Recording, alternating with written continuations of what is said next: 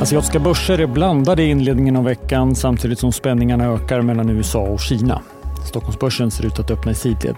Du lyssnar på det i Morgonkoll. Jag heter Alexander Klar. Och de asiatiska börserna rör sig åt olika håll. Tokyobörsen är ner mest, nästan 1 Fokus i landet på vem som blir landets nya centralbankschef, något som blir officiellt imorgon.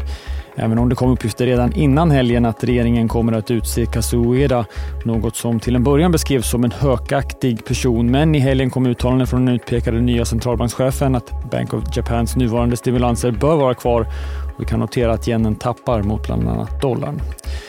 Hongkongbörsen är närmast oförändrad medan börserna i Fastlandskina stiger. Teknikorienterade Shenzhen allra mest, nästan 1 den amerikanska militären har skjutit ner ännu ett misstänkt föremål på hög höjd över landet, denna gång över Michigan nära gränsen till Kanada. Den senaste veckan har fyra oidentifierade föremål skjutits ner, tre sen i fredags och de andra två var över Alaska och grannlandet Kanada. Och det föremål som sköts ner förra helgen beskrivs som en misstänkt kinesisk spionballong och nu höjs flera kritiska amerikanska röster om att införa sanktioner mot vissa kinesiska bolag. De materiella skadorna för jordskarvet i Turkiet och Syrien kan komma att uppgå till 84 miljarder dollar motsvarande 880 miljarder kronor, vilket motsvarar cirka 10 procent av Turkiets BNP. Återuppbyggnaden av städer kommer att kosta 70 miljarder dollar medan 10 miljarder handlar om förlorade skatteintäkter enligt företagsgruppen Torcon Fed som gjort uträkningen och som Bloomberg rapporterar om.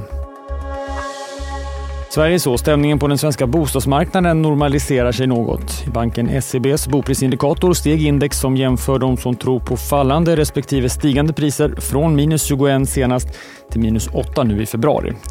Av de tillfrågade tror en tredjedel på stigande priser kommande året medan 41 procent spår fortsatt fallande. En bolagsrapport nu på morgonen, industrigruppen Ratos, som gjorde ett lägre resultat för det fjärde kvartalet än i fjol. Bolaget påpekar dock att fjolårets resultat innehöll en stor positiv post från en bolagsförsäljning, så justerat var resultatet bättre än i fjol. Likt omsättningen upp drygt 40 procent och organiskt så var tillväxten 12 procent. Har du också valt att bli egen? Då är det viktigt att skaffa en bra företagsförsäkring. Hos oss är alla småföretag stora och inga frågor för små. Swedeas företagsförsäkring är anpassad för mindre företag och täcker även sånt som din hemförsäkring inte täcker. Gå in på swedea.se företag och jämför själv.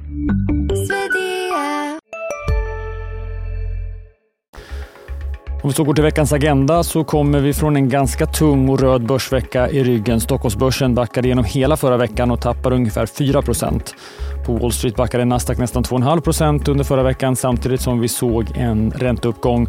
Bredare S&P 500 klarade sig bättre men backade drygt 1 den ovanligt långa rapportperioden fortsätter och det finns flera stora bolag kvar som ännu inte släppt sina siffror. Nu under morgonen, förutom Ratos, så kommer också fastighetsbolaget Castellum med sina siffror. Och det har varit ett minst sagt händelserikt kvartal för fastighetsbolaget, speciellt i ägarledet. Roger Akelius har kommit in och Rutger Arnhult är på reträtt. Arnhult har lämnat vd-posten och i förra veckan också sin styrelsepost. Hans andra fastighetsbolag Corem har sålt ut sig ur Castellum och fastighetsbolaget har också sagt att det inte kommer bli någon utdelning. Senare i veckan fastighetsrapporter från bland annat Diös och Sagax. Gruvjätten Boliden släpper sina siffror imorgon tisdag. Högre metallpriser väntas ha gynnat bolagets fjärde kvartal, men en något lägre utdelning är att vänta jämfört med vad vi såg i fjol, men fortsatt en bit över 20 kronor per aktie. Och imorgon också en ganska så tung makrodag med bland annat amerikansk inflation på eftermiddagen. Inflationen är på väg ner men fortsatt på hög nivå. Marknaden förväntar sig att inflationen kommer ner från 6,5% till 6,2% och att kärninflationen sjunker till 5,5 Flera rapporter på onsdag och främst på torsdag. Och det är övervikt åt vad vi kanske kan kalla våra techbolag och gröna bolag. Under onsdagen en rapport från Nibe som numera återfinns i OMXS30 och även vindkraftsbolaget Orrön rapporterar. Det är också mobilspelsbolaget Stillfront som även har kapitalmarknadsdag på onsdag. Och på torsdag rapporterar det betydligt större spelbolaget Embracer som i slutet av fjolåret flyttade från First North in på huvudlistan. I den senaste kvartalsrapporten, då man redovisade rekordsiffror, så sänkte man samtidigt prognosen och sköt fram vissa spelsläpp. Vi har sett den historien upprepa sig hos flera utländska spelbolag som redan hunnit rapportera. Bland annat amerikanska Electronic Arts som släppte sina siffror i slutet av januari, sköt upp flera spellanseringar och Take-Two skruvade ner sina prognoser för kommande kvartal och skyllde på försämrade makroekonomiska signaler.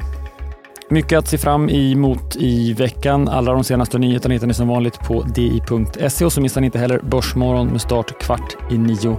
Ett program som numera också kommer som podd klockan 11. Jag heter Alexander Klar.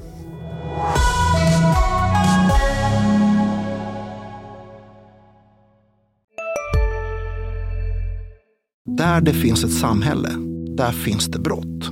Krimrummet är podden som tar brottsligheten på allvar.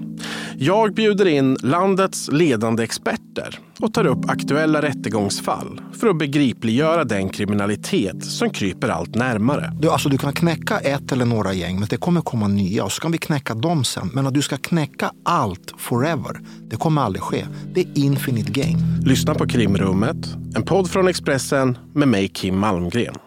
Hej, Synoptik här. Hos oss får du hjälp med att ta hand om din ögonhälsa. Vår synundersökning kan vi upptäcka både synförändringar och tecken på vanliga ögonsjukdomar. Boka tid på synoptik.se.